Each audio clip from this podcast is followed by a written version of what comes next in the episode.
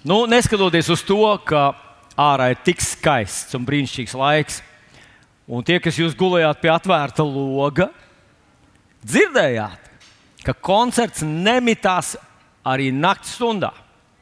Zinat, ko? Nu, es pamodos pāris reizes naktī. Un ārā putni dziedāja visu nakti. Kā mēs zinām, kas ir lielie dziedātāji? Kas tie ir? Tie ir uh, putni, jā, bet tie ir, tie ir putni. Nu, tie ir putni, nevis putnienes, tā teiksim. Un es domāju, kad viņi ēd ko? Nu, jā, panākt jau nē, tad jāgavē. Bet, uh, Tā liekas, saulīt spīd, putniņi jā, dzied, vasara. Un tomēr šodien mēs pieminam tādus drūmus arī notikumus. Šodien viena eh, no tām drūmajām dienām mums Latviešu tautai ir vairākas tādas smagas dienas. Mēs šodien mēs pieminam to, ka uh, bija tāda diena, kad vairāki tūkstoši, ja es pareizi atceros, 11 tūkstoši latviešu tautas uh, gudrāko, stiprāko, veiksmīgāko cilvēku tika izsūtīti. Izraut no savas dzīves ārā vienā dienā pēkšņi, bez brīdinājuma, bez nekādas paskaidrojumiem, izraut no savām dzīvēm. Viņiem deva dažas minūtes, lai viņi savāktos, un viņus izsūtīja uz Sibīriju uh, vīrus, sievas, veselām ģimenēm. Un, uh, liela daļa no viņiem arī no turienes neatgriezās. Nomira ļoti grūtos, ļoti smagos apstākļos.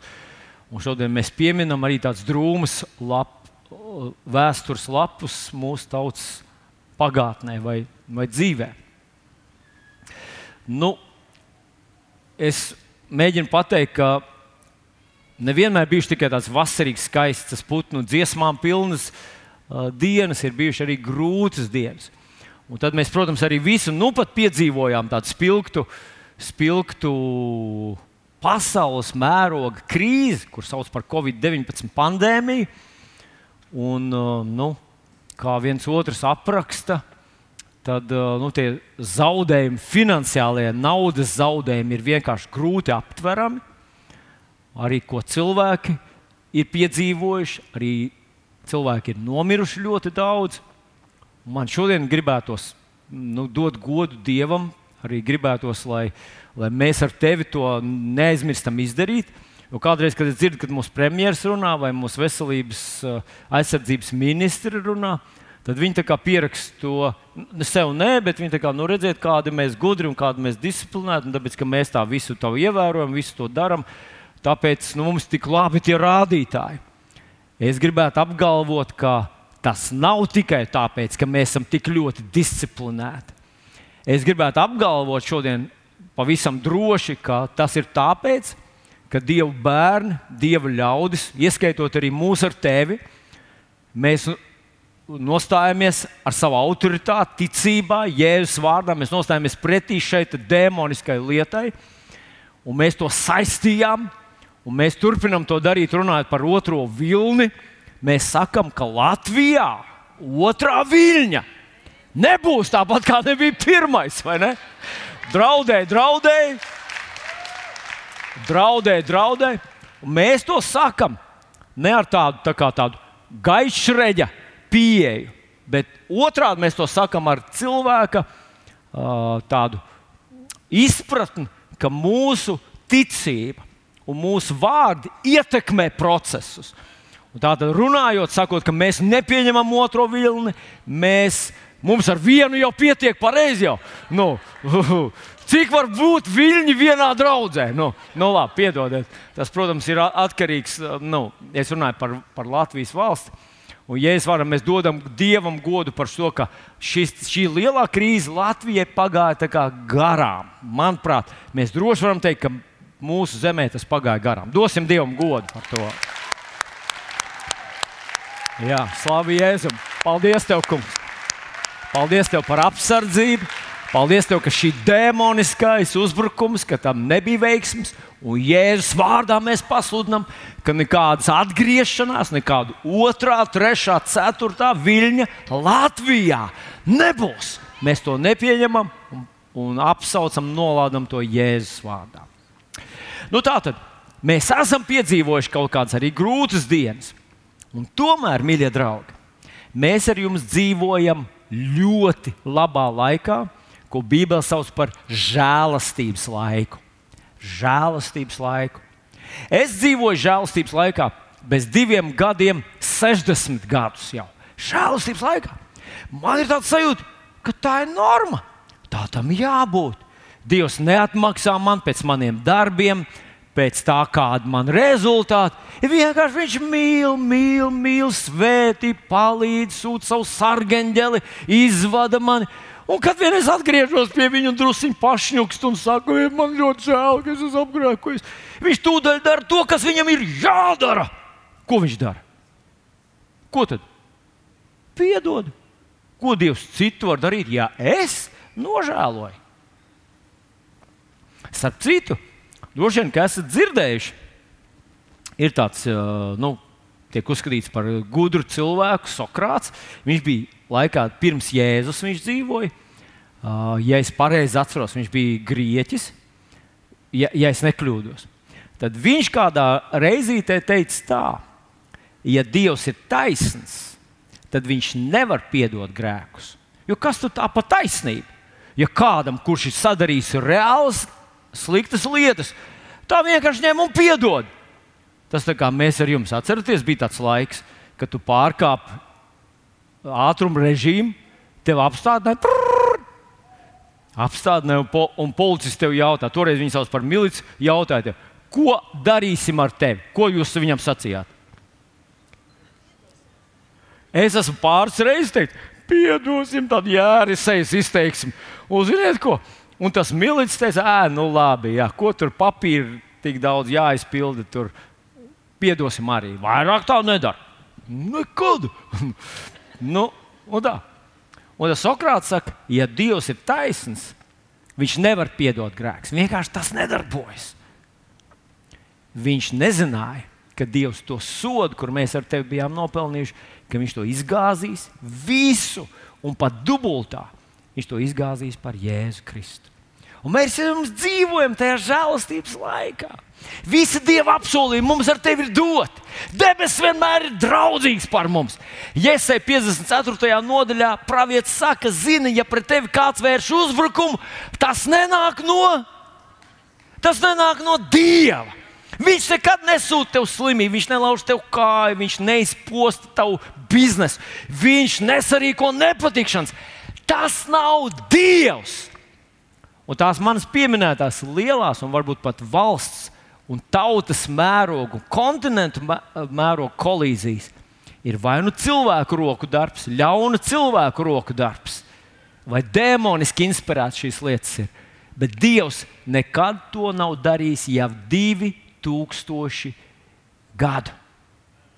Un mēs arī esam varbūt pieraduši pie tā, kā es jau sacīju. Mēs tagad domājam, hallo, tā tam jābūt un tā tas būs vienmēr. Tā tas nav bijis vienmēr, un nebūs vienmēr.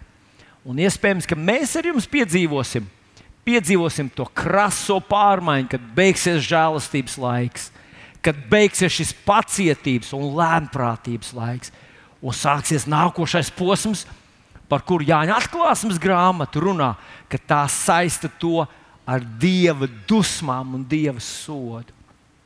Un vienā dievkalpojumā es mazliet pie sevis padomāju, Vai ir tādas lietas, par kurām dievam būtu jāsoda tautas un valstis?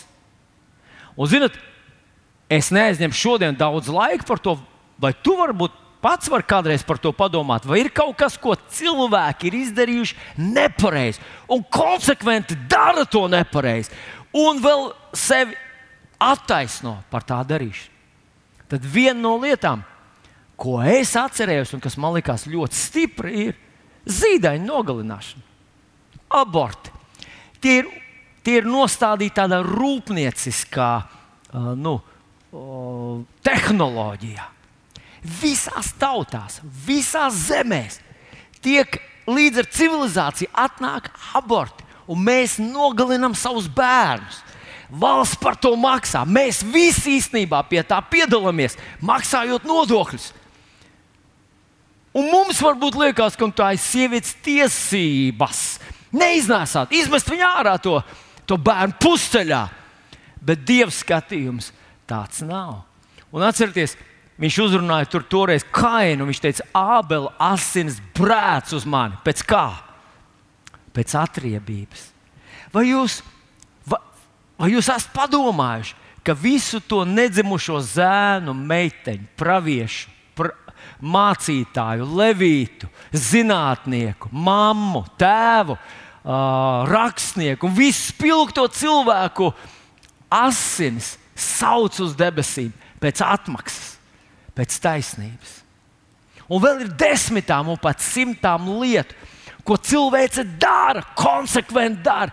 Dievs sen ir, ir uh, izspieduši no viņa vietas, saradījuši jaunus dievus un izplatījuši to pa visu pasauli. Šodien nav neviena moderna cilvēka, mūsdienīga cilvēka, veselīgi domājuša cilvēka, kurš nepraktizētu kādu no jogas metodēm. Tā ir elka dievība. Lai gan mēs motivējam to ar veselību un, un, un, un no vienkārši, vienkārši dzīves stresa, kaut kādām tur, nu, adekvātām rīcībām. Tās tās visas no, nostum dievu no viņa vietas un ieceļ viņa vietā elkus. Un, manuprāt, ļoti spilgta līdzība par to, kā tam ir jābūt un kā tas būs, ir Eģipte. Atcerieties, Dievs atved savu tautu uz Eģiptes zemi. Un 400 gadu, 400 gadu Dieva tauta ir paverdzināto stāvoklī. Viņiem nav vārda, viņiem nav status. Viņi vienkārši viņiem jātur mute un jādara savs darbs. Un pēc 400 gadiem, visus šos 400 gadus, visa faraona grēka darba, viņam no, nu, mm, kā saka, nav rezultātu. Dievs neiejaucas, Dievs neaizstāv savu tautu. Viņš var darīt, ko viņš grib. Viņš liek nogalināt zēnus, uh, uh, un, un, un nekas nenotiek. Dievs neiejaucas. Tikai pašā beigās, pašās beigās Eģiptes zeme tiek sodīta un visi grēku darbi, visi elki tiek tiesāti. Un tas pats sagaida cilvēks tajā nākošajā posmā, kuram mēs esam ļoti, ļoti tuvu. Bet šodien es gribētu runāt par to, ka šis labais laiks, šī ļoti dāsnais galds, kā Romas vēstulītē 1,19 apelsīns Pāvils runā par Izraēlu tautu, un viņš saka tādus vārdus, paklausieties. Viņu bagāti klātais galds kļuva viņiem par cilpu un par soda iemeslu.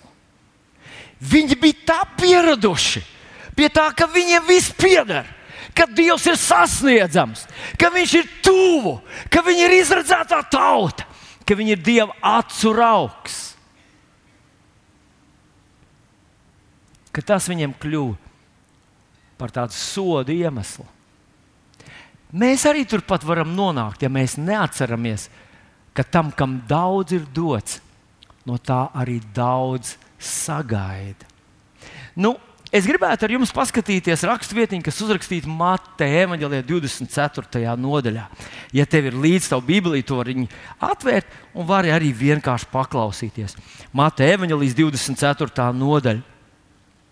Reko mēs lasām šeit. Vispirms tur ir tas akcents par to, ka tas būs pēkšņi. Ka tā kunga atnākšana būs pēkšņi. Mēs to saucam par paraušanu, vai grieķu vārds harpazo. Harpazo.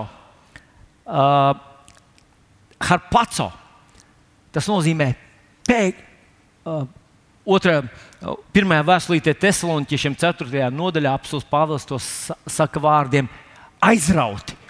Tā kā nevis, nevis uh, mūs uzaicinās, un mēs tā domāsim, uh, vicināt spārnus vai nē, mēs fiu, būsim prom, mūsu paraus ar spēku projām.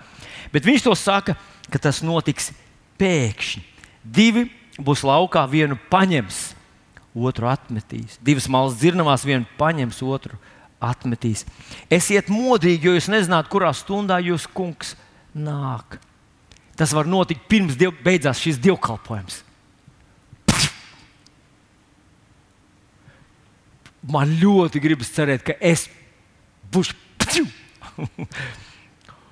Un ka tu arī, ja tu tiks atrasts par, par, par to, kurš ir tā vērts. Palasam tālāk. Esiet modrīgi, jūs nezināt, kurā stundā jūs kungs nāks. Tāpēc esiet arī jūs gatavi, jo cilvēka dēls nāks tajā stundā, kur jūs nedomājat. Kurš tad ir uzticīgais un gudrais kalps, ko kungs iecels pār savu saimnu, tiem dot barību savā laikā? Un tad paklausies, kādas ir iespējas no šīs situācijas, kad daudz ir uzticēts. 47. pantā viņš saka, tā, svētīgs šis kalps, kad viņa kungs pārnākdams atradīs to tā darām. Patiesi es jums saku, viņš to iecels pār visām savām mantām. Tas ir kaut kas, kaut kas ko visi kalpi sagaida. Tas ir paaugstinājums. Tas ir kaut kas, kas nu, karjera, nosauksim to tā. Iedomājieties, ja citi veltīja dzīvi, atdod savu veselību, upurē savu ģimeni, lai uztaisītu īsu karjeru šajā pasaulē. Un tad vienā dienā viņš sadeg bez, bez, bez pelniem, bez jēgas. Bet viņš te runā par karjeru Dieva valstībā, kas ietekmēs mūžīgi. Tātad es nomodā, un tas kalps, kur kungs atradis, pēkšņi atradis, ieraudzījis, ka viņš tiešām no sirds strādā. Tas tiks iecelts un saņems paaugstinājumu. Bet, ja ļaunais kalps nedarīs to, ko viņam no viņa ir vienošanās, to, kas viņam uzticēts, rakstīts tā, tad šā kalpa 50. pāns, tad šā kalpa kungs nāks tajā dienā, kur viņš to negaida.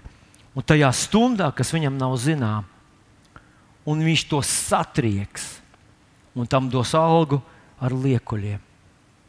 Viena iespēja ir paaugstinājums, un otra iespēja - drūma iespēja. Neviens no mums negribam to piedzīvot. Un īpaši šajā laikā, kad pa visu pasauli laikam skan tāds aicinājums izvērtēt, vai ir jēgas tā censties, vai ir jēgas tā skriet, vai nevajag kaut ko izrevidēt savā dzīvē un izmest lietas, kuras, kuras nu, vairs uh, nu, jūs negribat paņemt. Bija ļoti labs dievkalpojums arī uh, mācītājai Līgai, kur uh, teica, padomā, kas ir tās lietas, kuras tu vairs nedarīsi. Padomā, kas ir tās lietas, kuras tu vairs pēc šīs te, šajā jaunajā, normālajā laikā, kuras tu vairs nedarīsi. Un šodien ļoti gribētu, ka mēs ar tevi kaut ko sadzirdētu, arī tās lietas, kuras mums nodevis viens no spilgtākajiem uh, Kristus lieciniekiem, viens no spilgtākajiem līderiem, viens no spilgtākajiem cilvēkiem, kas ietekmēs pasauli, man šķiet ļoti drastiski. Es neuzdrošinos apgalvot, ka viņš ir visspilgtākais. Un tas ir, tas ir apustulis Pāvils. Un apustulis Pāvils mums raksta to otrā vēstulē Timotejam, 2. Timotejam 4. nodaļā, no 7. 7. un 8. pāns. Šeit Pāvils jau ir savas dzīves beigās. Viņš jau saka, es jau topu par ziedojumu. Mans atraisīšanas laiks ir pienācis. Un tad viņš atskatās uz savu dzīvi un viņš dod tai vērtējumu. Un es lasu šeit, tādu 2. Timoteja 4, 7, 8. Labo cīņu esmu izcīnījis skrējienu esmu pabeidzis, ticība esmu turējis. Atliek man tikai saņemt taisnības vainagu, ko mans kungs, taisnais tiesnesis, dos man viņā dienā. Un ne tikai man, bet arī visiem, kas iemīlējuši viņa parādīšanos. Pāvēlam ir pārliecība, ka viņš iet uz vainagu labi pastrādāts. Es ne par velti šajā pasaulē dzīvoju.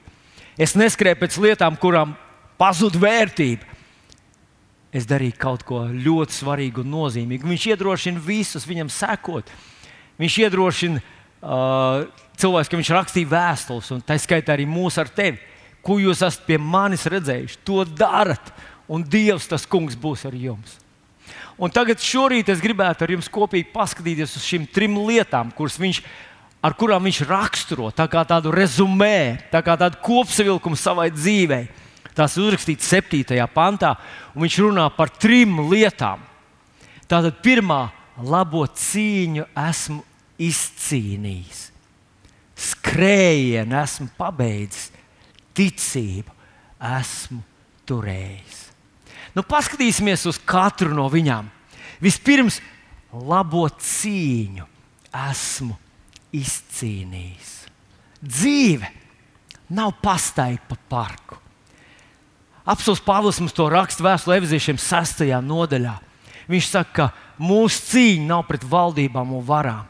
Mūsu cīņa, nav, piedodiet, mūsu cīņa nav pret miesu un asinīm, bet pret valdībām un varām šīs pasaules, uh, gara, garu pasaules valdniekiem, pret demoniskām varām.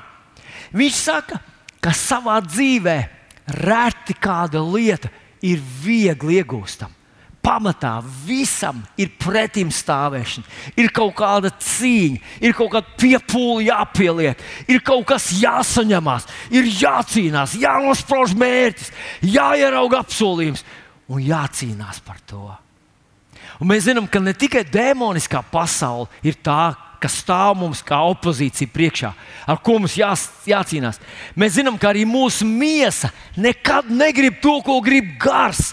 Arī mums ar savu pašu ķermeni nerunāja par roku un kāju, runāja par veco miesu, kas, kas varbūt kuras apetītes un gribas ļoti harmonizē ar mūsu ķermeniskajām apetītēm.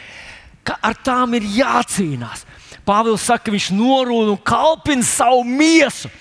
Jo viņš zina, ka ja miesai dod vaļu, ja miesai dotu vaļu, tad tas šorīt šeit nemaz nebūtu, vai ne? Tavs miesa taču labi zina, ka var dievam kalpot no gultas. Dievs taču neskatās uz kankariem. Un, starp citu, tik labi jūties gultā. Gultā varētu lūkšanas un gavēņas pie leduskapja. Un, un, un visas tās iešanas, uzkriešanas un, un liecināšanas. Nu, vai nepietika, ka tu vienkārši uzšaut kaut kur gaisā balonu ar savu liecību, un, un tā izbirst pa visu pasauli, un tu vienkārši dzīvo pēc tam mierīgi. Nevis, ka tā nevar būt. Mūsu aicinājums un mūsu dzīve raksturo cīņa. Mūsu miesai negribas to darīt. Mana pēcpusē visu laiku velk uz leju. Visu laiku viņai negribas neko jaunu uzņemties. Bet es ticu, ka tas ir absolūtā saskaņā ar tavu garīgo cilvēku un ar Dieva svaidījumu. Dieva svēto garu, kas ir pār tevi, dus pār tevi, kas tevi stiprina, kas dod tev spārnus, cīnīties. Otra lieta, ar ko apelsīns Pāvils raksturo savu dzīvi, viņš raksturo to ar skrējienu. Visi, kam ir bijuši bērni, zina, kas tas ir. Ka tev no rīta jāceļās, tev viņš jāapģērb, jāpabaro, jānomaina pamperi. Parasti viņš nelaikā to visu dara ar to pamperu lietu, un tad tev viņš jāaizved tur, tev jāskrien uz darbu, pa ceļam tev kāds pazvan. Es gribētu pajautāt jums, Vai jums arī tā ir, kad jūs gaidat kādu svarīgu zvanu, un viņš nezvana? Un tad, kad jūs vairs nevarat viņu saņemt, jūs sākat darīt kaut ko citu, pēkšņi tas zvans atnāk, un tas vēl kaut kas cits, un vēl kaut kas cits. Jums tā nav? Wow! Es jūtos kā Jānis Kristītājs, tūkstnesī. Man tā ir regulāri. Man tā ir regulāri. Es domāju, ja, ja, ja, ja pasaule zinātu, tagad es esmu gatavs. Pēc 15 minūtēm vairs nebūšu. Tieši pēc 15 minūtēm. Un tad tev jādara tas, jādara tur, tur, tur. Kaut kur gribas apstāties, nomierināties, paskatīties uz jūru, paklausīties putnu dziesmām, vienkārši atvilkt elpu un Jo kādēļ tad mēs dzīvojam? Taču, vai ne? Kam tad mēs skrējām visu, visus, visu pensiju, lai, lai kad tad mēs varēsim atpūsties? Pāvils saka, ka es visu savu dzīvi esmu skrējis. Visu savu dzīvi esmu skrējis. Un viņš saka, es dzēnos pretī mērķim, man ir dots uzdevums, man ir šajā pasaulē vīzija. Dievs man nolika šeit ar mērķi. Es neesmu šeit sagaidīt pastardienu, es neesmu puķa, kas gaida pavasari. Man ir uzdevums šeit, es esmu Dieva aģents šajā pasaulē. Es esmu tas, kuram jāspīd, es esmu tas, kam jāietekmē, un es to daru no visa sava spēka. Atcerieties, Matei 6,33. Cēlieties pēc debesu valstības. Vai tad, vai tad mēs jau visu nesam dabūjuši, kad esam Dieva bērni? Vai tam līdzi ar Jēzu viņš nav devis visas lietas? Vai tam mēs nevaram tā vienkārši tā mierīgi. Un šāda, es domāju, ja parādītos kāda draudzene, kurā mācītājs sāk sludināt šādus sprediķus, tad nomierinieties. Es starp citu biju vienā, vienā draudzē. Nu, tā nebija draudzene, tā bija tāda, tāda vairāk mācītāju sanākšana. Un viens mācītājs, biskups, iznāk priekšā un saka, tā, ko mēs te īsti varam izdarīt? ja Dievs gribētu, viņš sūtītu vienu eņģeli, un tas eņģelis izglābtu visu Rīgu pa vienu dienu. Loģiski, pareizi. Ko?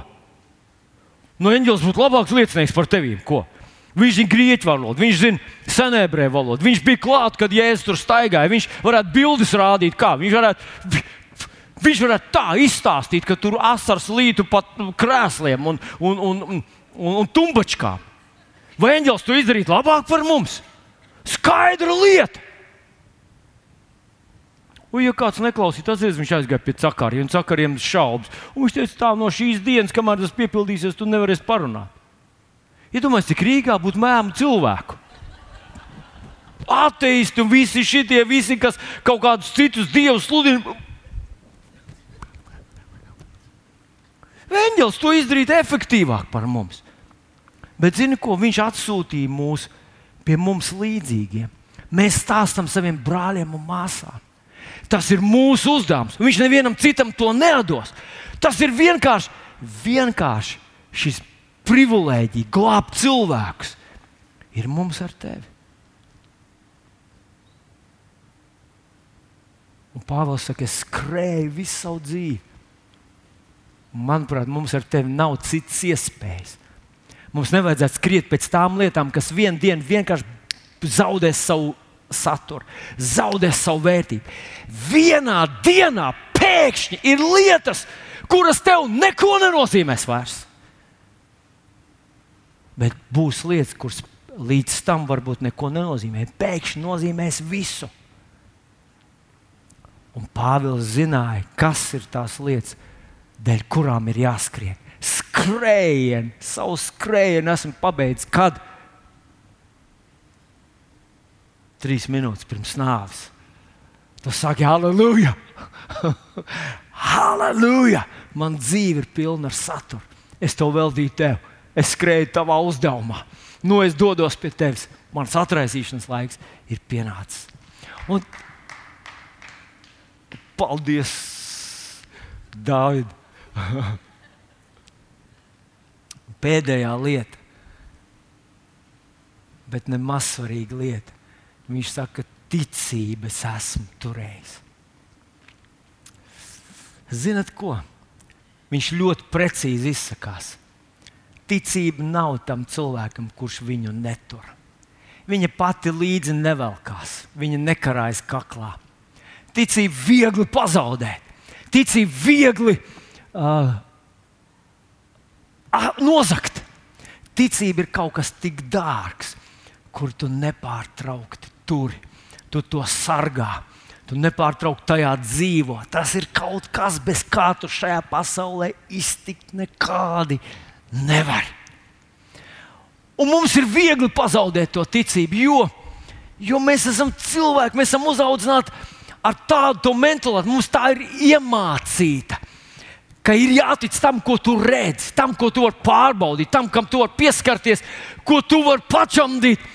Un atcerieties, bija Jēzus viens no mācekļiem, kurš nekad īsti netrāpīja pareizā vietā. Un viņš jau pie sevis nozvērējās, vairs nekad viņš nerunās, un vienmēr viņš kaut ko ne tā pasakā. Un tur vienreiz viņš saka, tā, otrreiz viņš saka, tā, rāda mums tēvu. Un tad Jēzus viņam saka, vai tu jau nezini, es esmu tēvs, mēs esam viens.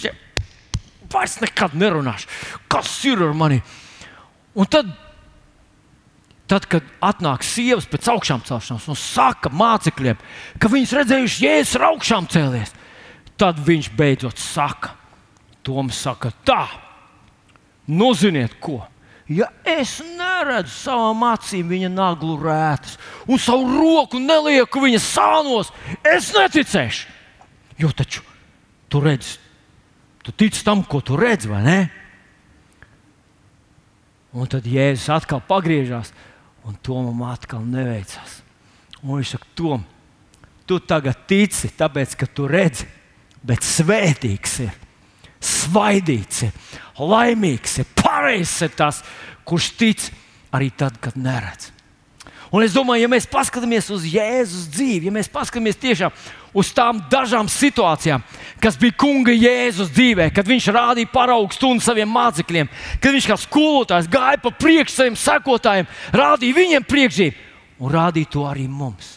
Atcerieties, ir vētra, viļņi tādi, ka profesionāls zvejnieks saka, no šādām vētrām neviens mājās netiek. Mo, ar mums ir cauri, mēs slīkstam, vai tu nebēdā, ka ejam bojā. Un viņš pieceļās, vējš rēts, viļņi sitās viņam sejā. Neko dzirdēt nevar, bet viņš kaut ko saka, viņš kaut ko pavēl. Es domāju, tikai blakus blakus stāvētājs tur pieķēries pie borta, laivas borta, klausās, ko viņš tur saka, un domā, hei, tas neizskatās cerīgi. Un tas ir tas, ko mēs varam redzēt ar acīm, ka tas ir bezcerīgi. Bet patiesībā ir pilnīgi savādāk. Tas ir šīs pasaules radītājs un uzturētājs, kurš stāv tajā laivā. Tā vētra nevarētu būt vētra, ja viņš to nebūtu radījis.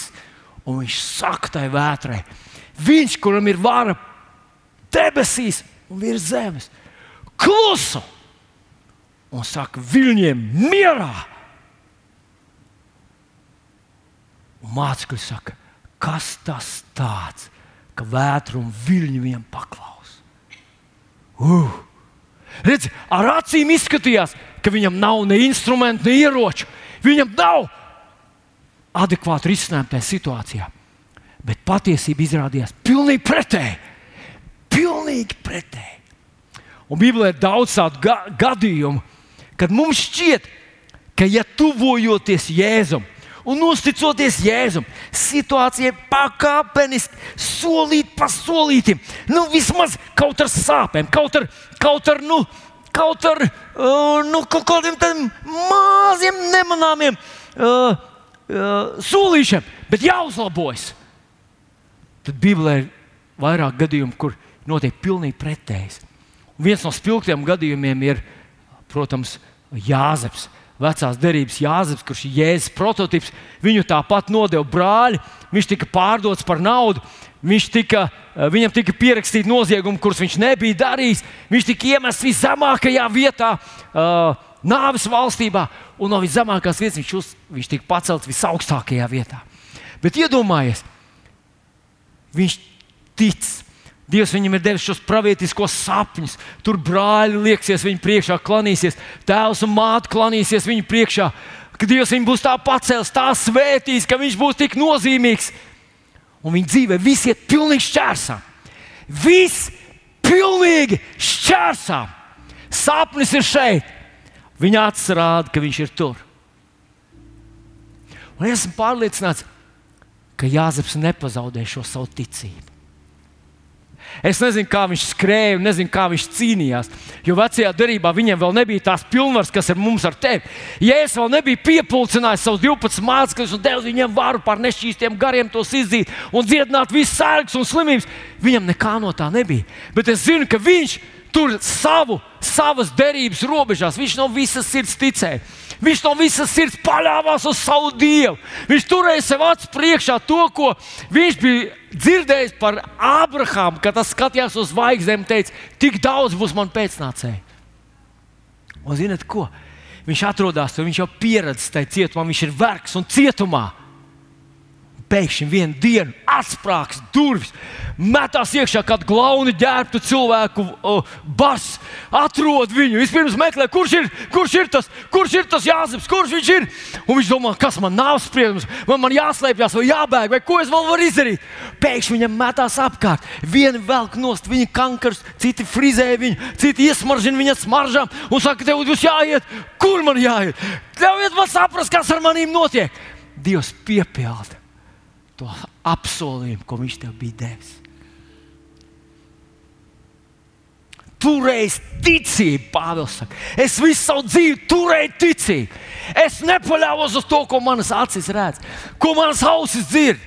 Es iedomājos, ja šodien apsolījumam Pāvēlam būtu iespēja uzrunāt tevi un uzrunāt arī mani, viņš uznāk šeit uz platformas. Viņš jums teiks, ziniet, kādus vārdus apmēram tādus. Ziniet, ko? Tad, kad es rakstīju tās vēstulītes no cietuma, manas acis redzēja drūmainu, man sajūta kliedza, ka tu esi neveiksminieks. Es nevarēju noticēt, ka manas dažas vēstules lasīs visa pasaule, ka katram mājā, visās pasaules valodās būs iztulkots manas vēstules korintiešiem, ebeziešiem, romiešiem, galatiešiem. Es tam nespēju noticēt. Mīļie draugi, ja es būtu zinājis, ka visa pasaule, ka manai ticībai, manai kalpošanai būtu tāda ietekme, es būtu vēl vairāk pielicies. Es būtu vēl vienu nodaļu pielicis par tām lietām, kas nāks nākotnē. Es būtu novērtējis to resursu, ko Dievs man bija iedevis.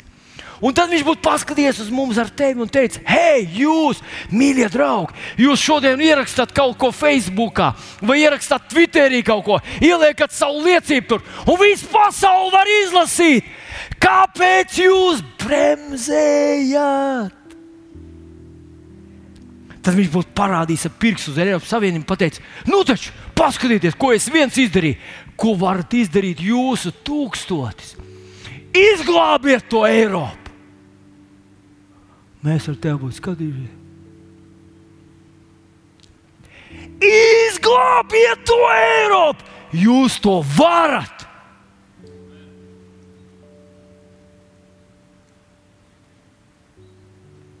Ko mēs ar tevi darījām? Tu zini, ir viens jautājums, uz kuru tu nekad nevari atbildēt ar jā. Un tas ir, vai tu jau esi aizmirsis?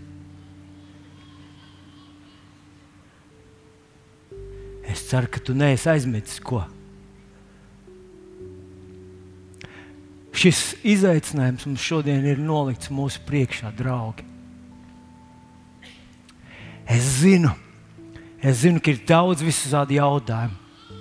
Es zinu, ka tagad notiek lēnām atvesaļošanās no krīzes. Es zinu, ka kādam muguras stīva, kādam kaut kur kāda pumpa, kādam matus kaut kur jātaisa, kam kādam kaut kas ir reālā tā dzīve bet tie ir tādi sīkumi salīdzinājumā ar to, ko mēs varam šajā pasaulē izdarīt.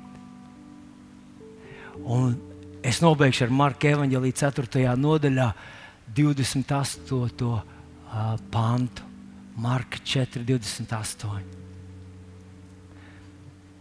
Te ir runa par tevi un mani, par cilvēkiem, kuriem ir labas sirds kas pieņem Dievu vārdu, kas to glabā savā sirdī, kas to nesā, kas par to domā. Kas ļauj Dievu vārdam, lai tas rada prizmu, caur kuru tu skaties uz savu dzīvi, skaties uz sevi, skaties uz savu nākotni, skaties uz savu nozīmi, skaties uz savu ietekmi. Mēs ar tevi tie esam.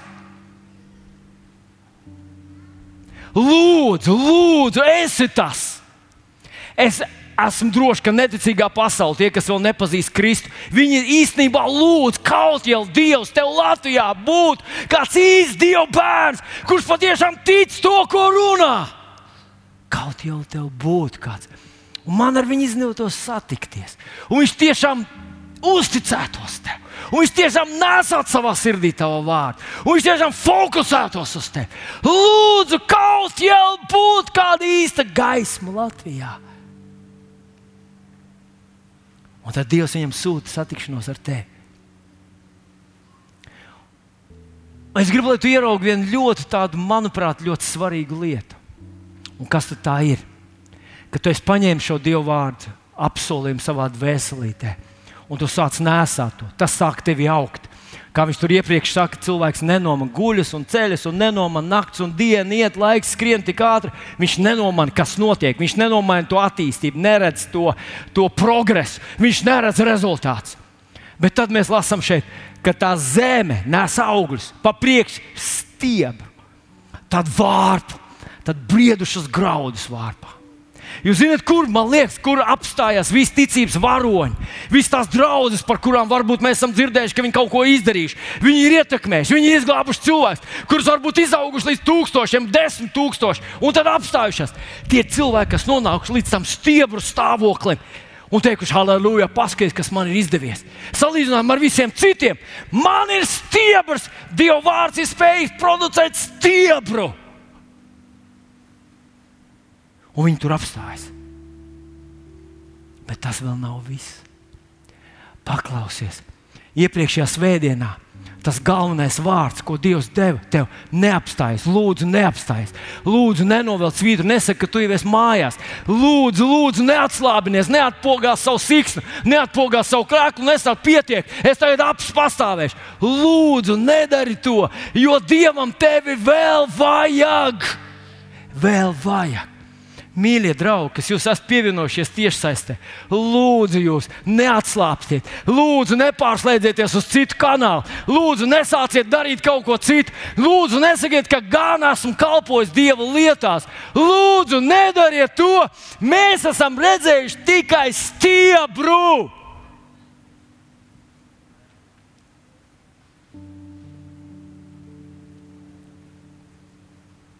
Dievam ir vēl un es runāju par tavu personīgo līmeni. Vai tu domā par naudu? Jā, kādam arī nauda. Dieva valstībai vajag daudz naudas. Un es ticu, ka mūsu vidū ir nākamie miljonāri, multimiljonāri. Cilvēki, kuriem ir pārnacionāls kompānijas, cilvēki, kas strādā Eiropā un jūtas tajā kā mazā dārziņā. Es ticu, ka Dievam ir vairāk. Bet ne tikai nauda. Es ticu ietekmi, gudrība, personības spēks, veidi, kā uzrunāt, aizsniegt. Varbūt tu atrodies vis Latvijas visbezcerīgākajā vidē, visbezcerīgākajos rados, un Dievs tevi tur ir nolicis. Tāpēc, ka Viņš grib tur paspīdēt. Viņš viņus mīl gana, lai viņiem dot iespēju pateikt jā vai pateikt nē. Lūdzu, neapstājies. Man šodien gribas apgalvot, ka mēs kā draugi esam sasnieguši stiebra līmeni. Ka mums vēl ir priekšā vārpa, vārpa, kad būs vārpa, kad būs vārpa, kad būsim sasnieguši vārpu. Bet pēc vārpas būs vēl reāli graudi. Huh! Tas nav mums no sevis jāizspiež. Mums vienkārši ir jāpaliek cīņā, garīgā cīņā. Nedodam miesai vaļu. Mēs nepadodamies ienaidniekam, kas mūs grib notriekt, nospiest, apzakt. Mēs uzticamies Dievam. Mēs skrienam, mēs skrienam. Zinat ko? Mēs skrienam. Šis ir tas laiks, kad ir īstā skriešana. Jo pēc tam jau, pēc tam jau būs alga. Pāvils saka, man atliks tagad, tagad man priekšā ir vainags, apbalvošana. Halleluja! Mēs skrienam un mēs turam ticību. Lūdzu, tevi par draugu, tur ticību. Lūdzu, tevi, mans draugs, par mani kā draugs, par mums kā draugs mācītājiem. Lūdzu, tur savu ticību. Lūdzu, tur savu ticību par nākamajiem, kuriem jātiek glābtiem.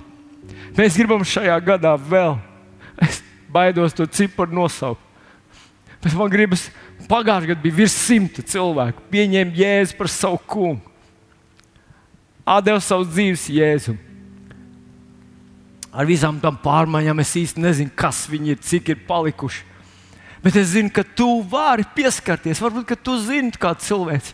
Tur viņu pamudināt, atnāc uz dievkalpojumu. Ne, nepazaudē to, neatmet to. Tā ir dārgākā lieta, kas tev var būt. Varbūt tu zini, kādu neticīgu cilvēku uzaicini. Hei, tagad jau var, mēs ievērojam divu metru distanci. Un, mīļie draugi, mēs paši nākošais vēl skrupulozāk, mēģināsim ievērot. Paskatieties, kur mums ir vēl daudz vietas, visas tās sānu tribīnas. Tur drusciņi, drusciņi jāpagriež galva, bet tu būsi tepat, tu būsi Dieva klātbūtnē, Dieva tuvumā. Un mēs ar tevi turēsim ticību par tiem, kam jātiek glābtiem. Lūdzu, turēsim ticību par mūsu zemi, par Eiropu, par draugiem citās pilsētās runāsim ticību, domāsim ticību, redzēsim ticību, jo mēs vēl savu skrējienu neesam pabeiguši.